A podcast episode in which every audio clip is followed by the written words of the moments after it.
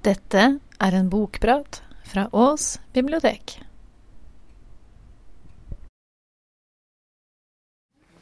Har du prøvd Laila Stien, sa min gode kollega Per Roger til meg. Og det hadde jeg ikke. Men nå har jeg gjort det. Nå har jeg prøvd henne. Eh, Jeg har fulgt hans råd, og jeg begynte med det siste. Den siste novellesamlingen hennes heter 'Over elva'. Den kom i 2014 på Tiden Norsk Forlag. Og da jeg begynte å lese den, så konkluderte jeg veldig raskt at det var en fin øh, opplevelse. Og det var en rar opplevelse. Men jeg hadde lest tittelnovellen som heter da 'Over elva', så tenkte jeg bare Først så tenkte jeg Hæ? Hva er dette her for noen ting?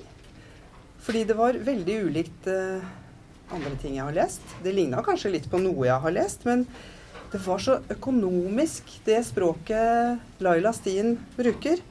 Og de personene, de var så vanlige. Og situasjonene var gjenkjennelige, for det var i, over elva så var det barndom, og så var det eh, mestring og begrensninger, og veldig, veldig vanlige ting. Men når jeg hadde lagt fra meg boka, da skjønte jeg at det var noe spesielt, fordi at jeg fikk hele novellen i retur. Men ikke med en gang. Det bare gikk litt tid, og så fikk jeg den i retur. Og så begynte jeg å reflektere over min egen barndom. Og kanskje er det sånn som Håvard Rem eh, har sagt, eller kanskje han har skrevet det, det er jeg ikke helt sikker på. Jeg skriver om meg, du leser om deg. Og Laila Stien hun sier at hun brukte 16 år på å skrive akkurat den novellen der. Og hun sier også at eh, bakgrunnen for den novellen eh, først og fremst er geografien i hennes egen barndom. For det er ikke mulig, sier hun i hvert fall, å gjenkjenne de personene fra hennes barndom i den novellen. Så da har jeg liksom konkludert med at det er ikke så sikkert at hun skriver om seg, men jeg leste i hvert fall om meg i alle de novellene i denne samlingen her. I hennes niende novellesamling. Og jeg leste ikke bare om meg selv. Jeg syns jeg leste om vennene mine, jeg syns jeg leste om familien min. Og det samme gjelder også i den novellesamlingen som egentlig vel heter 'Hjem til jul fortellinger'. Her er det også lett å kjenne seg igjen. Lett å kjenne igjen livet. Det som eh, begge de samlingene her har felles, det er stillferdigheten. Og det er også det Laila Stien er kjent for. For det er ensomhet her, det er eh, hverdagsliv, og ikke minst så er det veldig mye mellom linjene. Og det er nettopp det uspektakulære som er det spektakulære med Laila Stien, syns jeg. I eh, disse fortellingene, 'Hjem til jul', som for så vidt handler mye om de samme personene, men på ulike sider men, men på ulike tider av livet, så syns jeg at hun blander eh, alvor og humor veldig godt. Mens i 'Over elva' så er det kanskje litt mer eh, alvor å spore, egentlig. Og jeg har bestemt meg for at jeg gjerne vil lese en av novellene fra Over elva her. Eller egentlig kunne jeg godt tenke meg å lese alle novellene her. Men jeg skjønner jo hvor, hvilken tidsbegrensning jeg har, så sånn at jeg har vært nødt til å velge.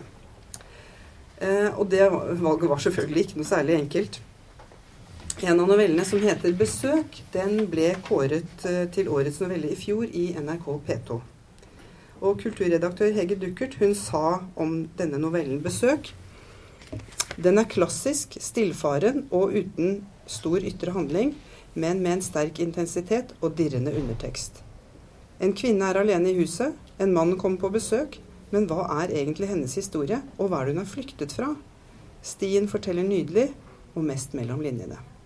Og for de som lytter på P2, så kan det godt hende at dere har hørt nettopp denne novellen på P2. Hun vant eh, Hun øh, konkurrerte med tolv andre, og ble altså vinneren i denne konkurransen. Eller denne utfordringen som NRK P2 hadde gjort, laget. Sånn at valget mitt falt da ikke på den, i tilfelle noen hadde, hadde hørt den, men eh, valget falt på den novellen, novellen som heter 'Skoene'. Da må jeg ta på hjelpemiddelet mitt. Få litt høyere lyd. Enda høyere lyd? Ja, Ja. den er ikke grei. Nei, er den ikke grei? Du er grei, men ikke den. Nei, jeg sa den. ja. Skal vi se. Hvordan begynner det å bli bedre nå, kanskje? Å, der. Nå syns jeg jeg kjente den. Mm. Hvordan er det? Du syns den er for høy? Syns Ja. dere den er grei der, eller? Da begynner jeg. Skoene. Det er bra. Jeg var med Reidar. Først ville han ikke ha meg. Sa det var best jeg var hjemme. Aleine, spurte jeg. Det hadde han ikke tenkt på. Nå tenkte han seg om og sa ok. Vi var seks sammen. Reidar fremst. Han er i slekt med oss, søskenbarnet til faren min. Så gikk to fra niende, og bak dem kom Markus og jeg. Vi var yngst, de eneste fra åttende. Vi var egentlig ikke gamle nok, men det fikk så være. Sånn sa de det. Aller bakerst gikk Thorsen. Vi kaller han bare for det. Han har så vanskelig fornavn. Det er i tre deler. Det ene er Valdemar, men jeg vet ikke om det er i midten eller hvor det er. Thorsen, sier vi bare. Eller kjøpmannen. Mora mi sier det. Det er han som har butikken. Det bor ikke så mange her. Vi har bare én butikk. Det var fint å gå sammen med Markus. Han driver ikke og skravler og skråler hele tida. Jeg ble glad da Thorsen tok meg i albuen og på en måte leide meg dit Markus sto. Glad er kanskje feil å si. Men det kunne vært verre. Det kunne vært Ståle, Ket eller noen av de andre tullingene. Vi begynte å gå, vil si Reidar. Vi andre fulgte på. Etter en kort stund ble gruppa vår delt, sånn at vi gikk tre og tre. Markus og jeg skulle følge Thorsen. Reidar tok de andre to med seg. De skulle gå litt lenger bort, men på linje med oss. Det var ikke så veldig tungt, sjøl om vi måtte løfte knærne ganske høyt. Ski kunne vi ikke bruke. Det ble forplundret mellom alle trærne. Thorsen snudde seg i ett sett og så at vi var der. Ikke rett bak, da. Det gikk mer som jeg vifte. Mar- Markus på ei side og jeg på den andre. Går det greit, vesla? Ja. Det var så stille, nesten bare pusten vår og skrittene i snøen som hørtes. Ingen fugler. Jeg så et ekorn, det var alt. Et bitte lite ekorn som pilte opp en trestamme og ut på ei grein. Der satt den litt, den lille krabaten, i hopkrøkt, liksom, før den byksa over til ei grein på et annet tre. Ganske lang, men den greide det, rakk over, og greina, ei veldig tynn og spinkel den holdt. Rart å se på, at den turte ta sats, hoppe så langt, og at greina bar. Hvordan kunne du vite det? Etterpå, da alt var over, kunne jeg ikke skjønne hvordan det hadde vært mulig å tenke på ekorn akkurat da. Men det var det. Jeg tenkte på forskjellig annet også. At lyden av skoene i snøen ligna litt lyden av kritt mot tavla. Sånne ting. Men så ble det Erlend igjen. Og den hvite snøen som vi stirra på, og sporene som ikke var der. Sko i størrelse 43. Bare harespor var det. Haren er så lett på foten at den nesten ikke setter spor i det hele tatt. Og det skal bare ørlite vind til, så er det borte igjen. Det var kaldt. Men jeg hadde dynejakke og masse under. Frøs ikke, ikke som jeg kan huske, bare på fingrene. Vi skulle gå til det ble mørkt, og enda litt til. Vi hadde hodelykter. Kunne godt ha gått lenger. Jeg var ikke sliten, og ikke Markus heller. Men det var bestemt. Det var Reidar som bestemte. Klokka var ikke tolv engang da han ropte til Thorsen og sa at vi var ferdige. Pulje to kom snart og overtok. De skulle komme fra traktorveien bare et lite stykke unna. Det var bra beregna, for rett etter at vi hadde fått beskjeden, kunne vi se lysene. Små prikker som dansa mellom granveggene. De vistes godt, for det var ikke andre lys der. Ikke fra månen engang. Det var bare et svakt skinn der månen skulle ha vært. Jeg kunne gått hele natta. Kunne fortsatt løfte knærne høyt sammen med de andre. Jeg var varm på føttene, og det var fint med alle lysene som dansa. Noen nært og andre lenger borte. Jeg kunne gått helt til det lysna igjen. Hadde ikke gjort meg noe. Hvis Thorsen var der, og Markus. Markus hadde pulten ved siden av meg. Noen ganger viser han meg svarene. Sånn er han. Thorsen fulgte meg hjem og helt inn. Det var bestemor. Hun hadde kommet. Der var bestemor. Hun hadde kommet med bussen. Så var jeg ikke aleine. Så kunne Thorsen bare dra. Ha det vesla, sa han. Sa jeg, sa jeg hadde vært flink. Han takka til og med. Enda det var det jeg som skulle ha gjort. Bestemor hadde kokt kakao. Fryser du? spurte hun. Nei, sa jeg. Litt på fingrene bare. Hun tok hendene mine mellom sine, og hennes var glovarme, nesten så det stakk. Det var godt med kakao. Mamma bruker å lage det ofte. Vi hadde boller også. De var tatt opp fra fryseren. Men jeg var ikke sulten. Tok en halv med smør og ost. Bestemor er snill. Alt var godt ment. Men hun hadde ikke behøvd å si noe. At det var egoistisk og sånn. Jeg sovna. Jeg trodde at det kom jeg aldri i verden til å klare, men så sovna jeg likevel. Da jeg våkna, var det lyst. Det dunka i meg. Hele brystet var bare dunk, dunk. Jeg var snar opp og ut på kjøkkenet. Der satt pappa. Han hadde en tom kaffekopp foran seg. Gardinen var dratt til side. Det snødde. Erlend? Han rista på hodet. Det snør, sa jeg. Ja, det er blitt mildere, han. Skal jeg varme kakaoen? Det er mer igjen. Hvor er mamma? Hun sover. Sovna nå. Tror jeg. Han reiste seg og tok mugga ut av kjøleskapet, helte oppi en kasserolle og satte på plata. Sett deg, du. Hva har du lyst på? Brød med, lev med leverpostei? Jeg rista på hodet. Kakao? En bolle? Kanskje. Jeg spiste hele bollen. Han fylte i koppen min en gang til. Men var ikke borti meg, strøk meg ikke over håret sånn som dagen før. Slutt, sa jeg da. La være! Pappa satte kopper og fat i oppvaskmaskinen, tørka av benken. Etterpå gikk han i garasjen visst. Mamma sto opp. Hun hadde ikke sovna likevel. Vennen min, sa hun og kom bort til bordet. La handa over den ene skuldra mi. Helt lett. Så flytta hun den opp i håret mitt, brukte fingrene til å gre med. Det var flokete håret, så det lugga litt.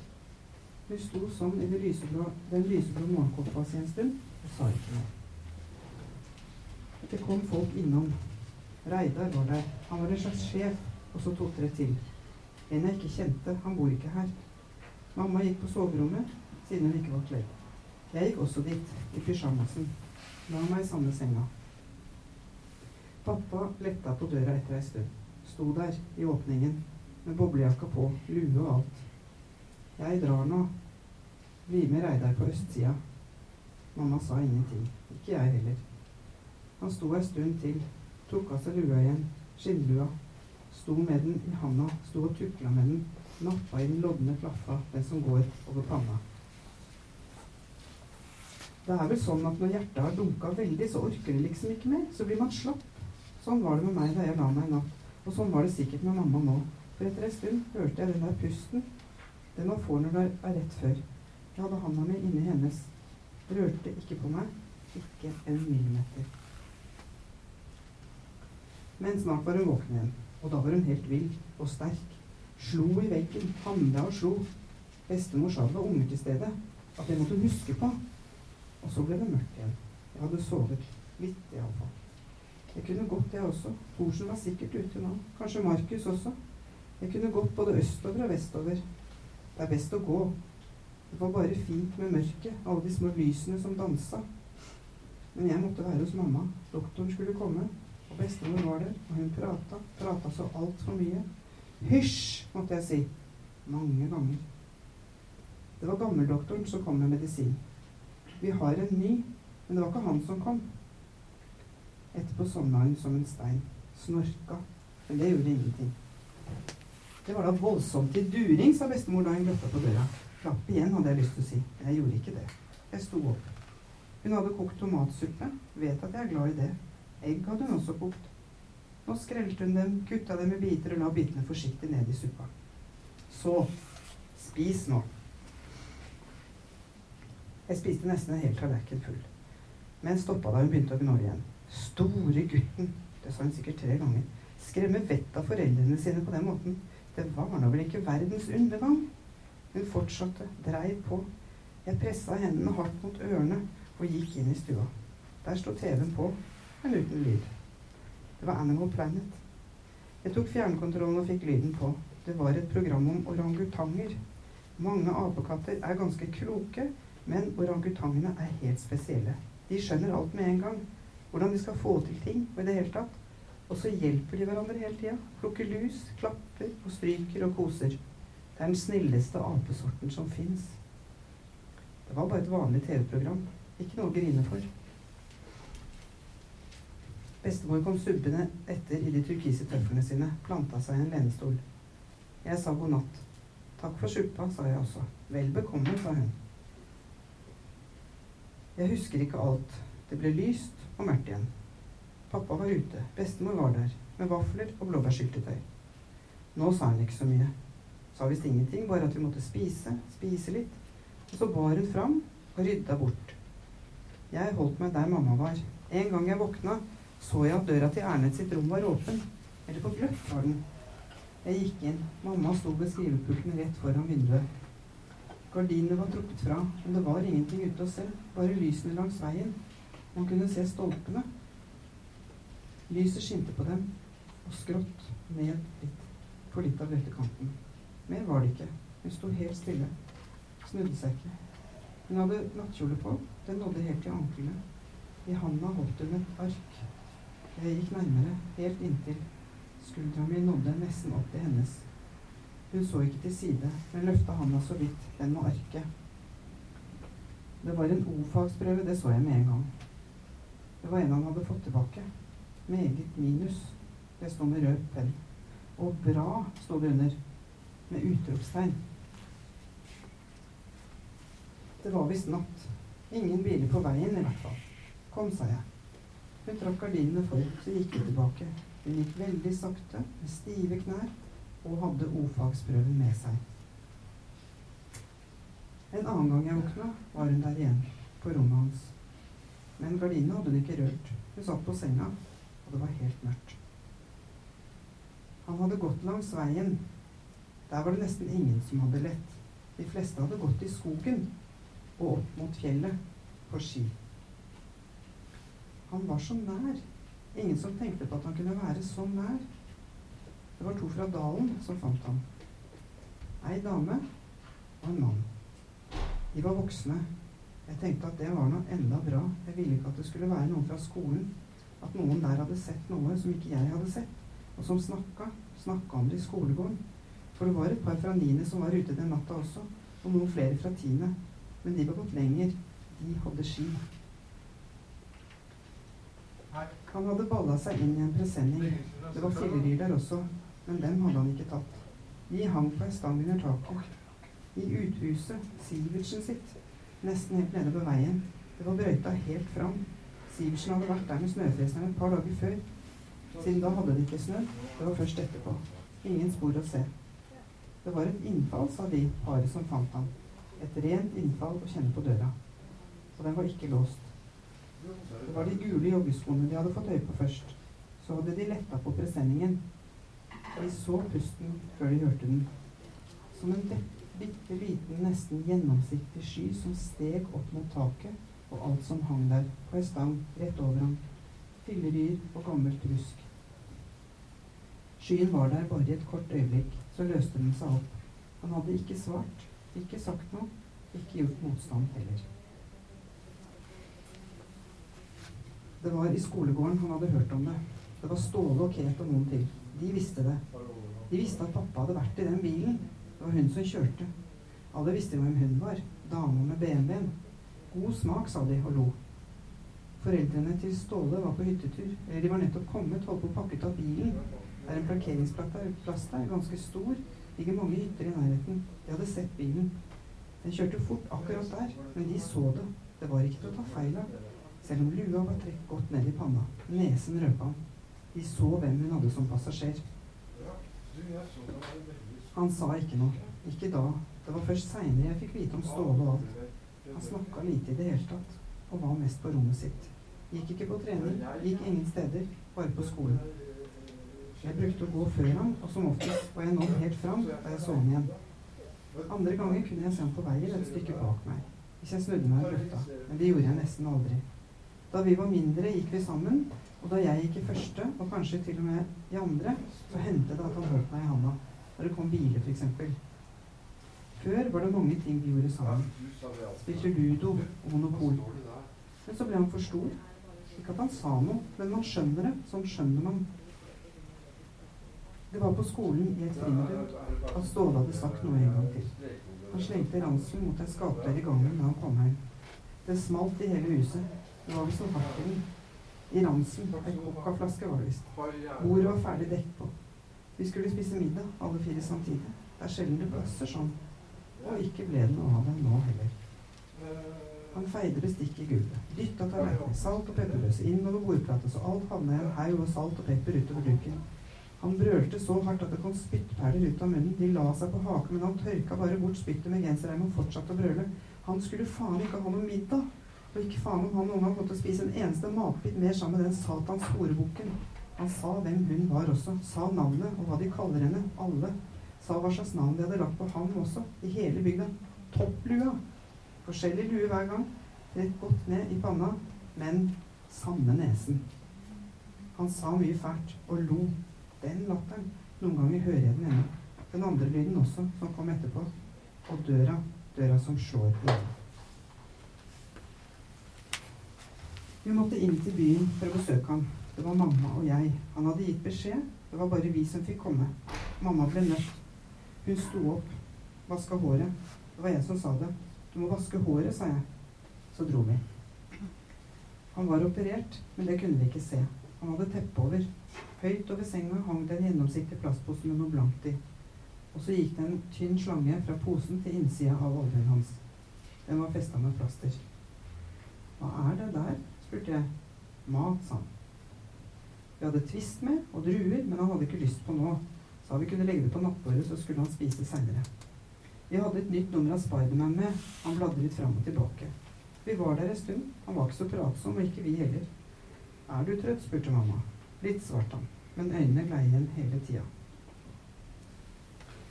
Vi var der en gang til. Han var mer våken nå. Han kan gjøre hva faen han vil, forresten. Jeg driter i det. Jeg driter i alt. Vi får se, sa mamma. Så sa hun noe om at alle kan gjøre feil.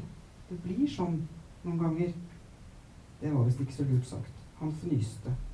Så vrei han på seg. Det var tungt, hørtes sånn ut, men han vrei seg helt rundt, hodet mot veggen. Vi satt på den andre siden av senga. Så bare det, bust, så bare det bustete bakhodet. Jeg kom ikke på noe å si. Jeg hadde med to Snickers, yndlingssjokoladen hans. Jeg hjalp til med å rydde på rommet hans. Bestemor var dratt. Mamma støvsugde og la på nytt sengetøy. Jeg ordna i hyllene. La bladene i en bunke, de som hadde vært under senga og overalt. Fantomet og Pondus og noen til. Jeg la både blader, gamle spill og bøker i fine stabler. Bretta de nyvaska klærne og putta dem i klesskapet. Da han kom, hadde vi taco. Det var pappa som hadde lagd den. Han lagde alt etter at bestemor dro. God, sa jeg. Veldig god. Erlend tok ei tacolefse i hånda og hinka på én fot inn på rommet sitt. Vi andre så på Norske Talenter. Det var reprise. Jeg liker best de som synger. Pappa liker tryllekunstnerne. Mamma liker best danserne. Før brukte vi å gjette hvem som gikk videre og sånn. Vedde også. Vi gjorde ikke det nå, men vi så hele programmet, og lyden var på.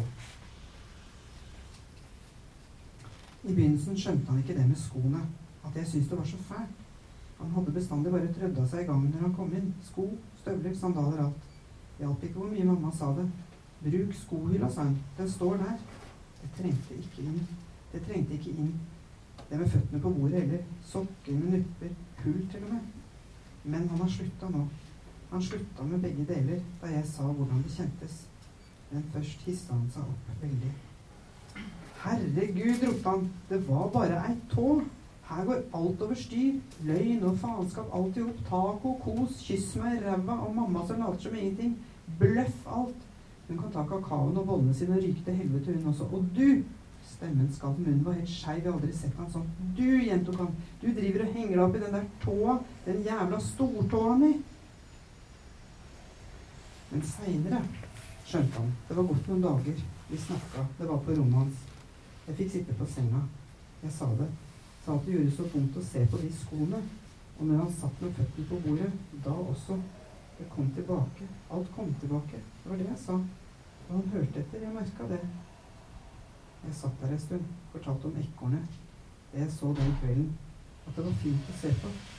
At det hjalp på en måte. Han setter skoene i hylla nå. En stor sko og den andre mindre. Føttene med de nuppete sokkene holder han langt unna stuebordet. Hvis vi går på hverandre i skolegården, nikker han eller smiler. Så vidt det er. Sånt gjorde han ikke før. Ikke at vi går sammen dit, ikke sånn å forstå. Men når han f.eks. har kjøpt et unikt pondus for lommepengene sine, hender det at han spør om jeg vil lese først. Og hvis han laster ned et nytt spill på dataen sin, Fifa eller Need for Speed eller noe annet, spør han alltid om jeg har lyst til å spille.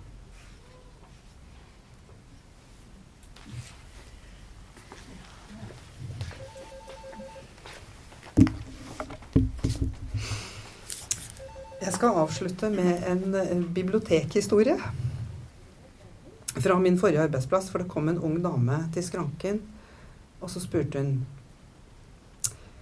Kunne du hjelpe meg å finne noen noveller? Jeg svarte ja, det kan jeg godt gjøre. Hva liker du å lese, og har du noen forfatter som du foretrekker? Så svarte den unge damen egentlig lurer jeg på hva en novelle er. Kan du si noe om det? Da ble jeg veldig glad. Da svarte jeg jo, f.eks. å lese en roman, det kan du sammenligne med det å drikke en pils. Og det å lese en novelle kan du sammenligne med å drikke en dram. Og så sa hun, men hva er en dram? Ja, det er et lite glass med brennevin. Å, mener du en shot? sa hun. Ja, så er Det akkurat det jeg mener. Og med dette så vil jeg vel egentlig avslutte med å anbefale Laila, Stien, 'Novellenes dronning', enten det er som litterær shot eller det er som litterær dram. Takk for meg.